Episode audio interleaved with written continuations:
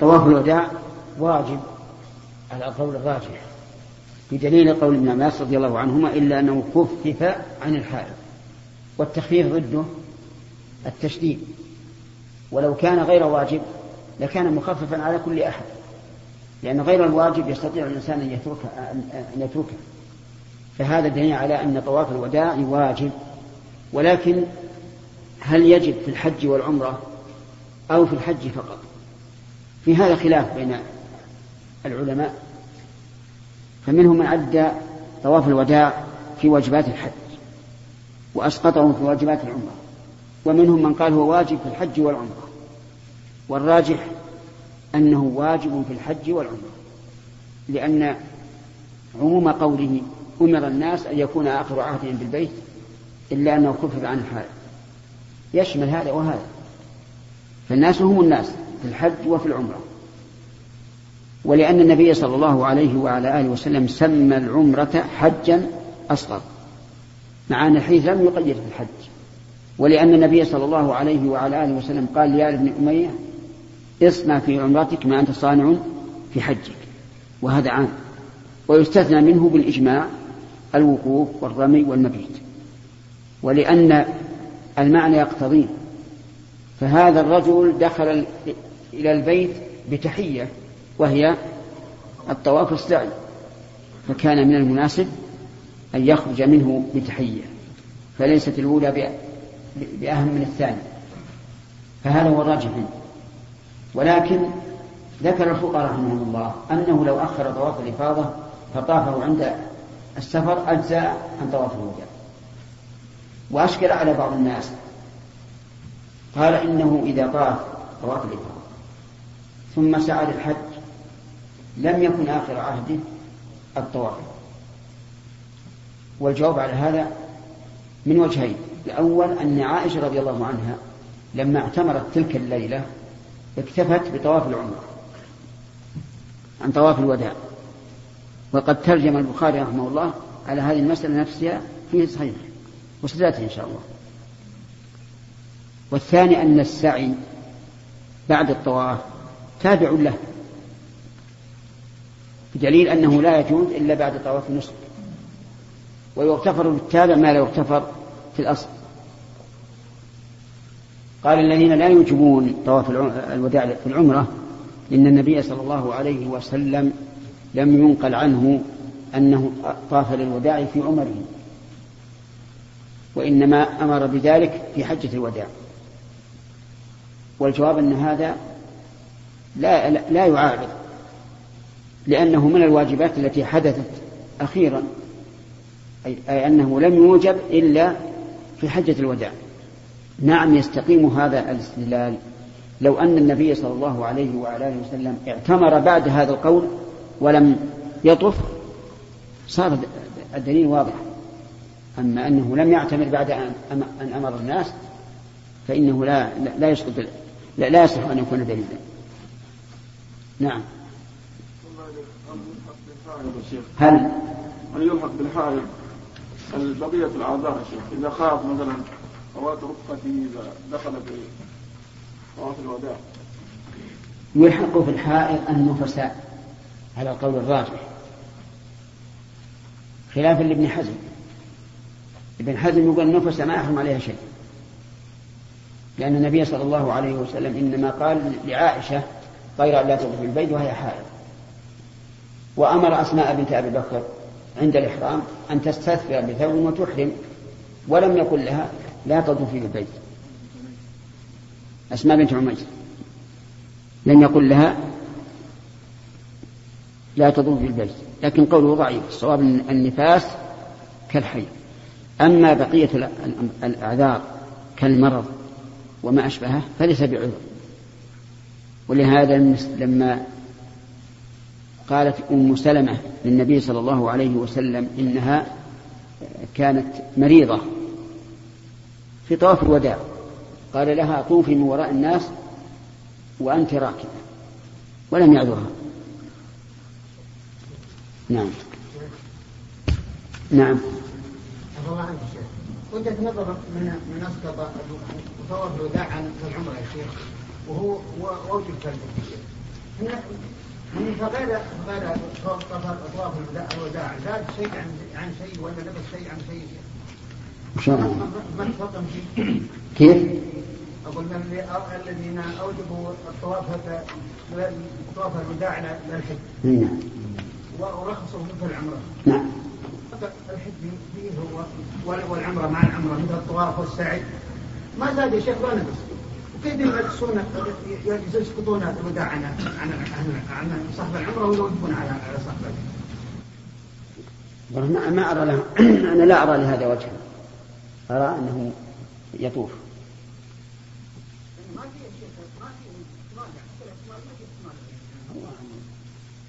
نسأل الله يوفقنا لإصابة الصواب. إيش؟ نعم. أول ما شرع في أول أول ما شرع في فعل الحج وكان مفردا نعم ولم يكن طواف الحدود. نعم. حج بعدها أكثر من حج. إيش؟ حج بعدها اي نعم من السنين أكثر من. صار عليه شيء؟ بنية بنية القضاء لا هذا على قاعدة المذهب أن كل الحجج التي بعد الأولى كلها فاسدة لأنه أدخل حجة على حجة ولا يزال إحرامه متعلقا بالحجة الأولى لأن سعيه لم يصح. والذي أرى إن شاء الله أن الحجات التي وقعت بعد ذلك أنها مقبولة لأنه جاهل وقد اعتبر نفسه محلا وربما يكون متأولا. قول النبي صلى الله عليه وسلم في من قال سعيت قبل أن أطوف قال لا حرج. ثلاثة. باب إذا حاضت المرأة بعدما أفاضت. حدثنا عبد الله بن يوسف قال أخبرنا مالك عن عبد الرحمن بن القاسم عن أبيه عن عائشة رضي الله عنها أن صفية بنت حيي زوج النبي صلى الله عليه وسلم حاضت فذكرت ذلك لرسول الله صلى الله عليه وسلم فقال أحابستنا هي؟ قالوا إنها أفاضت. قال فلا إذن. يعني فلا حبس. لأنه بقي على إيش؟ طواف الوداع طواف الوداع لا يجب على الحال باب إذا حاضت المرأة بعدما أفاضت. حدثنا عبد الله بن يوسف.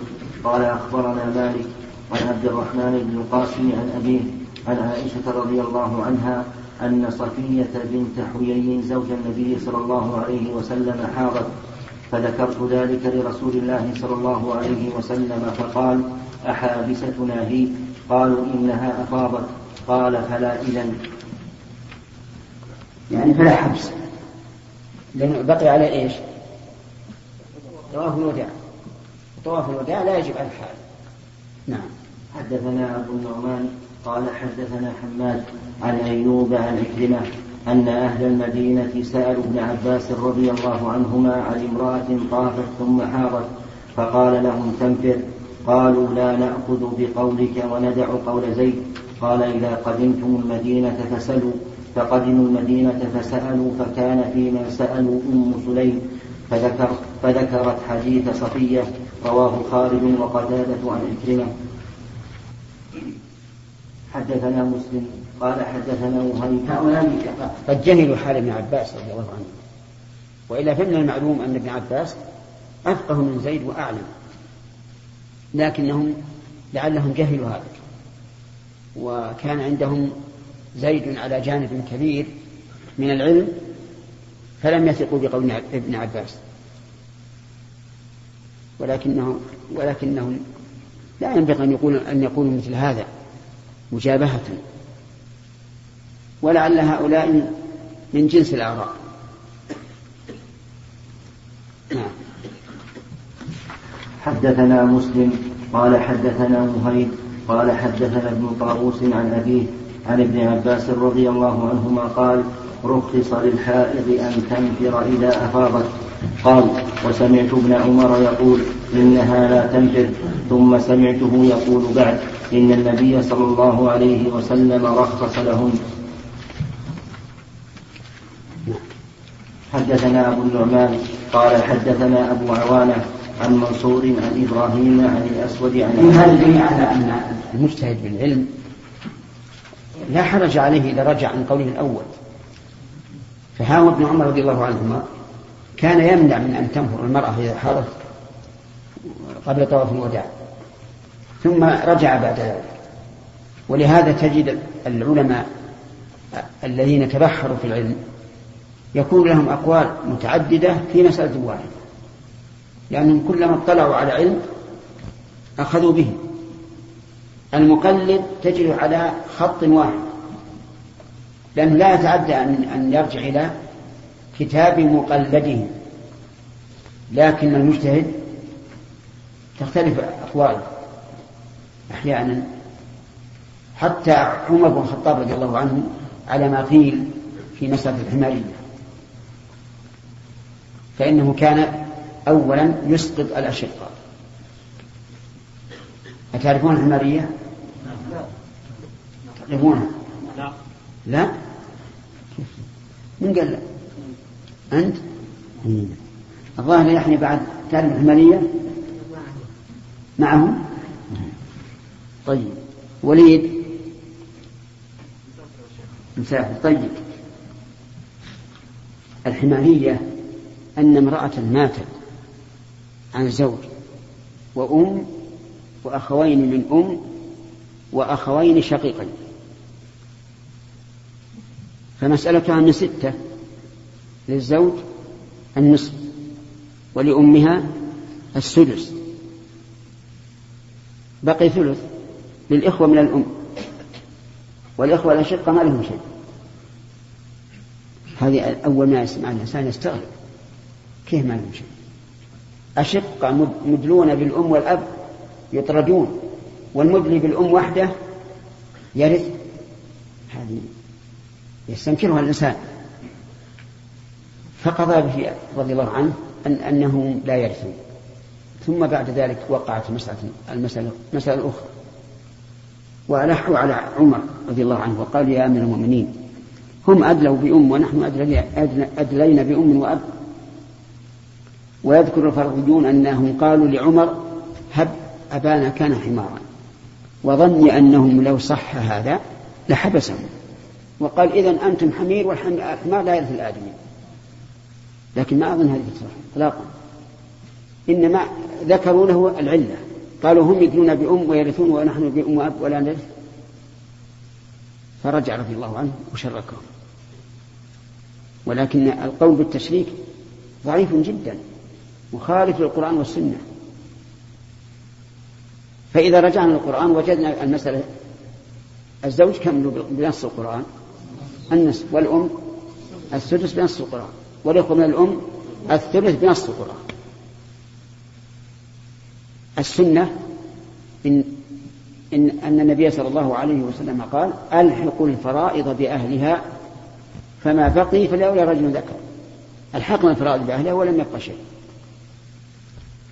المهم من أنه لا لا لوم ولا ذم على الإنسان الذي يتبع ما صحت به السنة أو ما جاء به القرآن ويفهمه أولا على فهم ثم ثاني على فهم آخر إذا تعددت عنه الأقوال في مسألة واحدة. نعم. الحديث واحد حديث واحد. نعم. حدثنا أبو النعمان قال حدثنا أبو عوانة عن منصور عن إبراهيم عن الأسود عن عائشة رضي الله عنها قالت خرجنا مع النبي صلى الله عليه وسلم ولا نرى إلا الحج فقدم النبي صلى الله عليه وسلم فطاف بالبيت وبين الصفا والمروة ولم يحل وكان معه الهدي فطاف من كان معه من نسائه وأصحابه وحل منهم من لم يكن معه من لم يكن معه الهدي. فحاضت فنسكنا مناسكنا من حجنا فلما كان ليلة الحصبة ليلة النحر قالت يا رسول الله كل أصحابك يرجع بحج وعمرة غيري قال ما كنت تطوفين بالبيت ليالي قدمنا؟ قلت لا. قال فاخرجي مع أخيك إلى التنعيم فأهلني بعمرة وموعد وموعدك مكان كذا وكذا. فخرجت مع عبد الرحمن إلى التنعيم فأهللت بعمرة وحارت صفية بنت حيي فقال النبي صلى الله عليه وسلم أقرى حلقا إنك لحابستنا أما كنت طفت يوم النحر؟ قالت بلى. قال فلا بأس انفري. فلقيته مصعدا على أهل مكة وأنا منهبطة أو أنا مصعدة وهو منهبط. وقال مسدد قلت لا تابعه جرير عن منصور في قوله لا. في هذا دليل على أن المرأة إذا حاضت قبل طواف الإفاضة وجب عليها أن تنتظر ووجب على وليها أن ينتظر. لأن النبي صلى الله عليه وعلى آله وسلم قال أحابسة نهي. وهذا نص صريح. ثم إن صفية من ستحبس؟ الرسول والناس كلهم من أجل أنها حاضر ولكن إذا لم يمكنها الإقامة لا هي ولا محرم وكانت في بلاد لا يمكن أن ترجع إلى الموت فماذا تصنع؟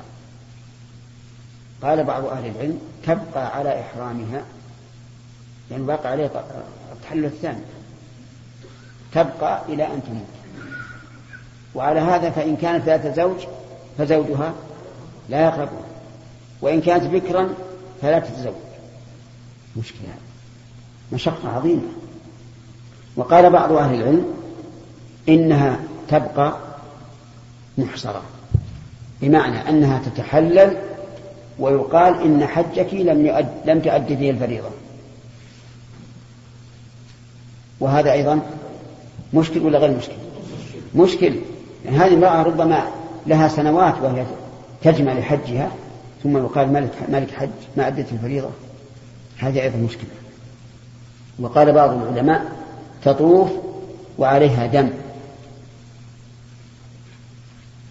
فإذا قال قائل ما الدليل على طوافها يقول الدليل أن الله قال ما جعل عليكم في الدين من حرج. فلتطف هذا لا شك من دليل قوي. بقي أن نقول له ما الذي أوجب عليها الفدية؟ ما الذي أوجب؟ أنت إما أن تقول طوافها صحيح والصحيح لا لا فدية فيه. وإما أن تقول غير صحيح فلا تنفع فيه الفدية. لكنه يعارض ويقول إن النسك يجبر بالدم في ترك الواجب. وهذه تركت الواجب وهو الطهارة فتجبره بدم واختار شيخ الإسلام رحمه الله أنه إذا لم تمكنها الإقامة فإنها تتلجم بشيء أي تتحفظ لئلا ينزل الدم على المطاف. ثم تطوف للضرورة. وقال إن هذا من أشد الضرورات. أن تبقى محرمة أو أن تحصر ويرى حجها؟ هذا ضرر عظيم. والقول الذي اختاره هو الصواب. ولكن مع الأسف أن بعض الناس توسع في هذا. وقال إذا إذا لم يمكنها البقاء في مكة فإنها تتحفظ ولو كانت من أهل الطائف أو من أهل المدينة. أو من أهل القصيم أو في المملكة عموما.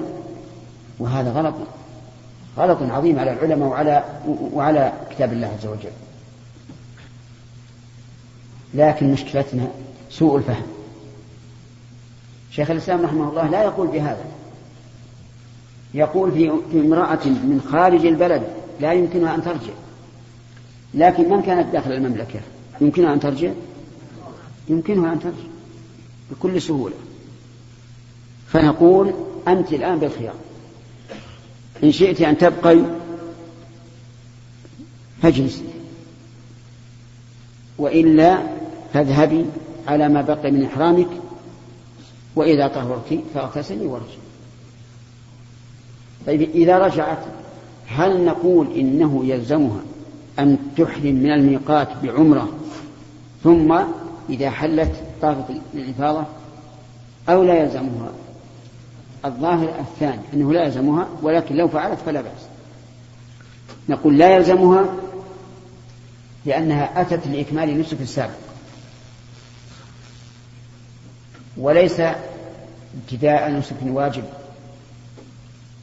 ولها أن تأتي بعمرة لأن العمرة بعد التحلل الأول جائزة. فلا يقال إن الإنسان أدخل نسكا على نسك. لأن النسك بعد التحلل الأول يضعف جدا. ولهذا يباح في كل شيء إلا إيش؟ إلا النساء. وهل النساء أيضا هل المحرم في النساء الجماع فقط أو الجماع والمباشرة والخطبة والعقد؟ في خلاف. بعض العلماء يقول لا يحرم إلا الجماع فقط. وأما المباشرة وعقد النكاح والخطبة فلا بأس بها. لكن الاحتياط ترك الجميع لا شك.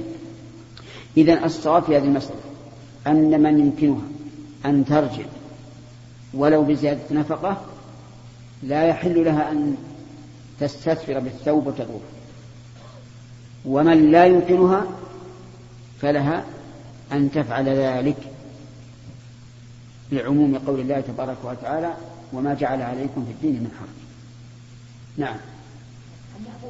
من؟ قدم الطواف والحلق. قدم الطواف؟ والحلق. نعم. هل نأمر بالإبقاء الإحرام أم نتركه أما على قول من يقول إنه إذا فعل اثنين من ثلاثة حل التحل الأول فقد حل التحل الأول. أصبر. فهمت هذا ولا لا؟ وعلى قول الذي يظهر لنا أنه لا يحل حتى يرمي نعم. ماذا صح القصة التي ذكرها ابن حجر؟ لأن إبراهيم عليه السلام أو آدم لما خلق سمية الجمرات الجمرات لما عرض عليهم إبليس رماه. لا هذا غير صحيح سليم. شيخ الإسلام رحمه الله. أكثر فتوى يا شيخ حكم الفتوى يقنع تقنع عن نفسه نعم. ولهذا أحثك على قراءة المؤلفات. اقرأها. كما حث عليها شيخنا عبد الرحمن بن سعد رحمه الله. كان له قصيدة من جملتها الحث على كتب الشيخين ابن تيمية وابن القيم. ثلثنا. كيف؟ أنت يا محمد ما دام رفعت يدك فلك هوى. حكمك غير مقبول ندور غيرك. الله إليك الشيخ امرأة من القصيم آه، حاضت قبل الطواف الإفاضة لكنها تعلم أن ولي أمرها لن يعود معها. نعم. أخبرها بأنه لا يستطيع. فهل لها بهذا؟ هذه نقول لا لا لا تطوف. لا تطوف فإذا وصلت إلى إلى إلى محلها في القصيم وظهرت سيكون هناك شيء آخر. يرفع الأمر للقاضي وله أن يجبر آه، آه، محرمها أن يحج معها كما قال النبي عليه الصلاة والسلام للرجل الذي كتب في الغزوة انطلق وحج مع امرأتك. وهذا ضروري لها ما هو باختيارها الآن.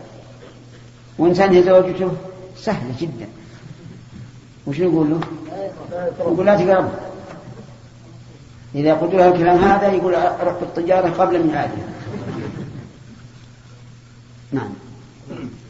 باب من صلى العصر يوم النفر بالأفرح حدثنا محمد بن المثنى قال حدثنا إسحاق بن يوسف قال حدثنا سفيان الثوري عن عبد العزيز بن رفيع قال سألت أنس بن مالك رضي الله عنه أخبرني بشيء عقلته عن النبي صلى الله عليه وسلم أين صلى الظهر يوم التروية؟ قال بمنى. قلت فأين صلى العصر يوم النفر قال بالأفطح افعل كما يفعل أمراؤك. هذا لما أخبره بالسنة وواجب عليه أن يبينها قال افعل ما يفعل أمراؤك. يعني لا تخالف. اتبع لأن المسألة مسألة استحباب واتباع الإمام وعدم المنابذة واجب. ولكن الصحيح أن الرسول صلى الله عليه وسلم في يوم النفر صلى الظهر والعصر في الأبطح لأنه حين رمى انصرف إلى مكة وصلى الظهر والعصر. نعم. حدثنا عبد المتعال بن طالب قال حدثنا ابن وهب قال أخبرني عمرو بن الحارث أن قتادة حدثه عن أنس بن مالك رضي الله عنه أنه حدثه عن النبي صلى الله عليه وسلم أنه صلى الظهر والعصر والمغرب والعشاء ورقد رقدة بالمحصر ثم ركب ثم ركب إلى البيت فطاف به. في الحديث الأول فائدة مهمة. وهي أن الجواب قد يكون على قدر السؤال. وليس قيدا في الحكم. فالسائل سأل أنس بن مالك أين صلى العصر؟ فقال بالأبطح هل نقول يفهم من هذا أنه صلى الظهر في منى؟ نقول لا لا يلزم. لأن أنس سئل عن عن شيء معين وأخبر به. بدليل الحديث الذي بعده عن أنس نفسه أن النبي صلى الله عليه وعلى آله وسلم صلى الظهر في إيش؟ المحصل المحصل صلى الظهر بمنى يوم ثمانية يوم التروية. وهذه دائما تجدونها مثلا في في المناظرات والمجادلات. يقول مثلا هذا قيد بحسب سؤال السائل. كما ذكروا في سفر المرأة بلا محرم بعض الحديث يوم وليل بعضهم ليلة بعض ثلاثة أيام فأجاب العلماء أن هذا التقييد ليس قيدا في الحكم ولكن قيد باعتبار إيش؟ باعتبار السؤال وإلا فالحكم العام هو الذي خطب به النبي صلى الله عليه وعلى آله وسلم حين قال لا تسافر امرأة إلا مع ذي محرم. نعم. نعم. بما ينقطع طواف الوداع كيف بما ينقطع؟ آه. كيف نقول له عيد الطواف مرة أخرى مثل لو نام في مكة أي طواف الوداع يجب أن يكون آخر أموره آخر أموره آخر كما جاء في الحديث حتى يكون آخر عهدهم بالبيت لكن رخص العلماء رحمهم الله في الإقامة لشد الرحل يعني حمل السيارة أو الإقامة لشراء حاجة في طريقه لا لتجارة أو للإقامة لانتظار رفقة أو للإقامة لإصلاح الراحلة كإنسان مثل ركب السيارة ثم في أثناء الطريق قبل أن يخرج من مكة حصل فيها خلل السيارة فبقي يصلح هذا الخلل فلا يعيد الطواف. نعم. حديث أنس. افعل كما يفعل أمراؤك. نعم. الآن يعني الغالب ليس هناك أمير عام كل الحجاج يتبع في الحج نعم. أفعال الحج. نعم. ويحصل خلاف في الحملات. آه يعني يتخذ قرار راعي الحملة أو المسؤول عن الحملة بالصلاة في مكان معين لظرف ما أو كذا فيحدث خلاف مع الحجاج. نعم. فهل نلزمهم بهذا الحديث بأن هذا هو أمير في الحج؟ نعم. نعم. نقول افعل ما يقول أمير أمير الحملة إلا إذا علمنا أن أمير الحملة يريد أن يخلي الحج يعني يمشي الحال عن ما يقولون. فهنا يمنع لكن الحمد لله أسمع أن الحملات كلها يكون معها طلاب علم يرجعون إلى إلى طالب العلم. وهذه نعمة الحمد لله. نعم. إيش؟ رضي الله عنها أليست قائمة؟ لا. كيف تحتج؟ أن الصحابة يرجعون بحج وعمرة وهي ترجع هي تريد عمرة منفردة ولهذا قال لها الرسول صلى الله عليه وسلم يسعى في طواف في البيت والصلاة وبالصلاة المرأة لحجك وعمرك. لكن أن تعرف أن هذه المرأة لها قرارات والنساء يعني لا يبلغن في عقولهن عقول الرجال. فربما يأتي يوم من الأيام تفتخر النساء نساء النبي صلى الله, صلى الله عليه وعلى آله وسلم عليها. ويقولن لها أنت ما جبت إلا حج. فلذلك ألحت عن على النبي صلى الله عليه وسلم إلحاحا تاما. وكان صلى الله عليه وسلم خير الناس لأهله. فأذن له. ولهذا لو قال من القائل هل يسن للقارن أو نعم هل يسن للمرأة إذا حاضت وهي متمتعة وقرنت هل يسن لها أن تعتمر بعد الحج؟ قلنا لا. لأن النبي صلى الله عليه وعلى آله وسلم لم يأذن لعائشة إلا بعد الإلحاح تطيبا لقلبها. قال الإمام البخاري رحمه الله تعالى في صحيحه في كتاب الحج باب المحصب. حدثنا أبو نعيم قال حدثنا سفيان عن هشام عن أبيه عن عائشة رضي الله عنها قالت إنما كان منزل ينزله النبي صلى الله عليه وسلم ليكون أسمح لخروجه يعني بالأبطح. حدثنا علي بن عبد الله قال حدثنا سفيان قال عمرو عن عطاء عن ابن عباس رضي الله عنهما قال ليس التحصيب بشيء إنما هو منزل نزله رسول الله صلى الله عليه وسلم. فهذان اثنان من أفقه الصحابة عائشة وعبد الله بن عباس رضي الله عنه يقولان إن النزول في المحصب ليس بسنة. وإنما نزله النبي صلى الله عليه وعلى آله وسلم لأنه أسمح لخروجه وهذا ينبني على قاعدة. هل الأصل فيما فعله النبي صلى الله عليه وعلى آله وسلم التعبد أو الأصل عدمه إلا بدليل؟ الظاهر الثاني أنه أن الأصل عدم التعبد إلا بدليل. فالمحصب نزله الرسول صلى الله عليه وعلى آله وسلم ولكن لم يأمر به. والنبي صلى الله عليه وعلى آله وسلم لم يحج إلا مرة واحدة. حتى نقول هل ورد عليه فيكون مشروعا أو لا. فالأقرب أن النزول بالمحصب ليس بسنة. كذلك النزول بنمرة. مر علينا أن بعض أهل العلم قال إنه ليس بسنة. لكن النبي صلى الله عليه وسلم نزله ليستريح حتى يستقبل الموقف بنشاط والدليل على هذا أنه صلى الله عليه وعلى آله وسلم أمر أن تضرب له قبة بنمرة وفي منى منع أن تضرب له قبة. قالوا فهذا دليل على أنه ليس بنسك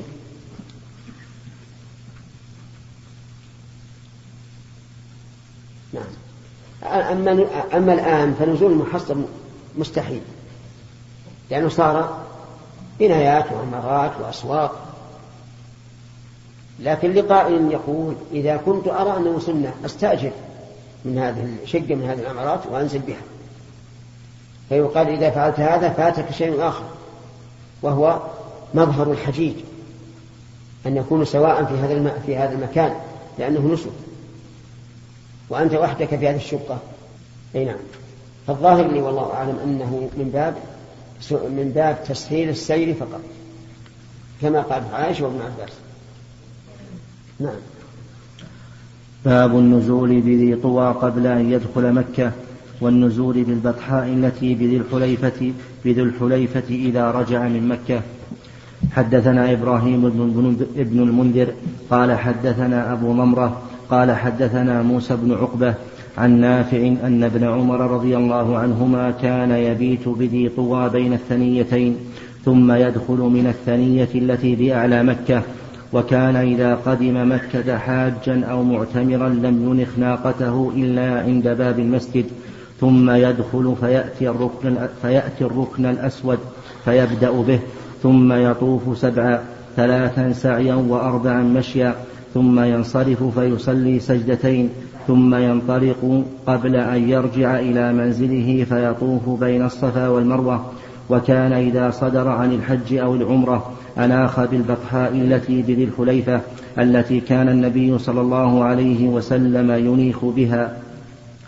حدثنا عبد الله بن عبد الوهاب قال حدثنا خالد بن الحارث قال سئل عبيد الله عن سئل عبيد الله عن المحصب فحدثنا عبيد الله عن نافع قال نزل بها رسول الله صلى الله عليه وسلم وعمر وابن عمر. وعن نافع إن ابن عمر رضي الله عنهما كان يصلي بها يعني المحصب الظهر والعصر. أحسبه قال والمغرب. قال خالد لا أشك, لا أشك في العشاء ويهجع هجعه ويذكر ذلك عن النبي صلى الله عليه وسلم. ابن عمر رحمه الله ورضي الله عنه كان حريصا على تتبع آثار النبي صلى الله عليه وعلى آله وسلم حتى الأشياء التي ليست بعبادة. فكان يتتبع الأثر آه نعم المكان الذي ينزل فيه فيبول أو ينزل فيه فينام أو ينزل فيه فيصلي. لكن ابن عمر رضي الله عنهما خالف سائر الصحابة في هذا في هذا الموضع كما قاله الشيخ الإسلام ابن والأصل أن ما لم يقم الدليل على أنه عبادة فليس بعبادة. لأن العبادة من شرطها أن يعلم أن الشرع شرعه. وفي هذا دليل على أن المعتمر يبدأ بالطواف والسعي ويكمل عمره قبل أن يأتي إلى رحله. وهذا إذا تيسر هو الأفضل. لأنك لو سألت هذا هذا القادم إلى مكة ماذا تريد؟ قال إيش؟ أعتمر. يقول إذا كنت تريد أن تعتمر فابدأ بما أتيت من أجله. وهذه عادة النبي صلى الله عليه وعلى آله وسلم أن يقدم ما جاء من أجله كما فعل ذلك في حديث عتبان بن مالك حين دعاه رضي الله عنه إلى بيته ليتخذ مصلى له. فلما قدم النبي صلى الله عليه وسلم إلى البيت قال أين تريد أن أصلي؟ فبدأ بذلك قبل الوليمة التي كان أعدها عتبان نعم. باب من نزل بذي طوى إذا رجع من مكة. وقال محمد بن عيسى حدثنا حماد عن أيوب عن نافع عن ابن عمر رضي الله عنهما أنه كان إذا أقبل بات بذي طوى حتى إذا أصبح دخل وإذا نفر مر بذي طوى وبات بها حتى يصبح. وكان يذكر أن النبي صلى الله عليه وسلم كان يفعل ذلك. هذا من جملة القاعدة التي مشى عليها عبد الله. رضي الله عنه. يتتبع آثار الرسول صلى الله عليه وعلى آله وسلم حتى فيما لا لا يتبين انه عباده وذو القوى هي الزاهد الآن مكة. وهي الآن بيوت وأسواق. اختلف الوضع. نعم. باب التجارة أيام الموسم والبيع في أسواق الجاهلية. حدثنا عثمان بن الهيثم قال أخبرنا ابن جريج قال عمرو بن دينار قال ابن عباس رضي الله عنهما كان ذو المجاز وعكاظ متجر الناس في الجاهلية فلما جاء الإسلام كأنهم كرهوا ذلك حتى نزلت ليس عليكم جناح أن تبتغوا فضلا من ربكم في مواسم الحج. هذا دليل على أن التجارة في الحج لا بأس بها ولكن ينبغي للإنسان أن يكون قصده الحج ويجعل التجارة تبعا. لا أن يجعل التجارة أصلا والحج تبعا لأن تجارة الآخرة أعظم أعظم نفعا وأكبر من تجارة الدنيا. ومثل ذلك لو أن الإنسان أجر سيارته في الحج أو في العمرة مع نية العمرة فلا حرج لكن يجعل يجعل الأصل إيش؟ العبادة في الحج أو العمرة نعم باب الإدلاج من المحصب. حدثنا عمر بن حفص قال حدثنا أبي قال حدثنا الأعمش قال حدثني إبراهيم عن الأسود عن عائشة رضي الله عنها قالت حاضت صفية ليلة النفر فقالت ما أراني إلا حابستكم. قال النبي صلى الله عليه وسلم عقرى حلقا أطافت يوم النحر. قيل نعم. قال فانفري. قال أبو عبد الله وزادني محمد حدثنا محاضر قال حدثنا الأعمش عن إبراهيم عن الأسود عن عائشة رضي الله عنها قالت خرجنا مع رسول الله صلى الله عليه وسلم لا نذكر إلا الحج فلما قدمنا أمرنا أن نحل فلما كانت ليلة النفر حاضت صفية بنت حيي فقال النبي صلى الله عليه وسلم حلقا عقرا ما أراها إلا حابستكم ثم قال كنت طفت يوم النحر؟ قالت نعم. قال فانفري قلت يا رسول الله إني لم أكن حللت. قال فاعتمري من التنعيم. فخرج معها أخوها فلقيناه مدرجا فقال موعدك مكان كذا وكذا. في هذا دليل على أن الطواف لا يصح مع الحج وأن طواف الإفاضة لا بد منه حتى لو انحبس الناس من أجل النساء اللاتي حضن فإنه واجب. ولهذا قال النبي صلى الله عليه وسلم أقرأ حلق. وهذا يقوله الناس في الجاهلية وفي الإسلام أيضا لكن لا يقصدون المعنى. وإن يعني لا يقصدون الدعاء بالعقر والحلق والحلق لكنهم يقول ذلك مما جرى على لسانهم مثل تربت يمينك فكذبت أمك.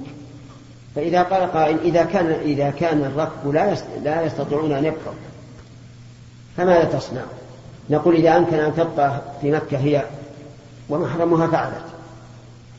فإن لم يمكن فهنا طريقان. الأول إذا كانت في المملكة إذا كانت من أهل المملكة المقيمين أو المواطنين فإنها تخرج على ما بقي من إحرامها. بمعنى أنها حلت التحلل الأول فقط. فلا يقربها زوجها في جماع. أيها الإخوة لم يتم التعليق في هذا الشريط ويمكن إتمامه في الشريط الذي يليه.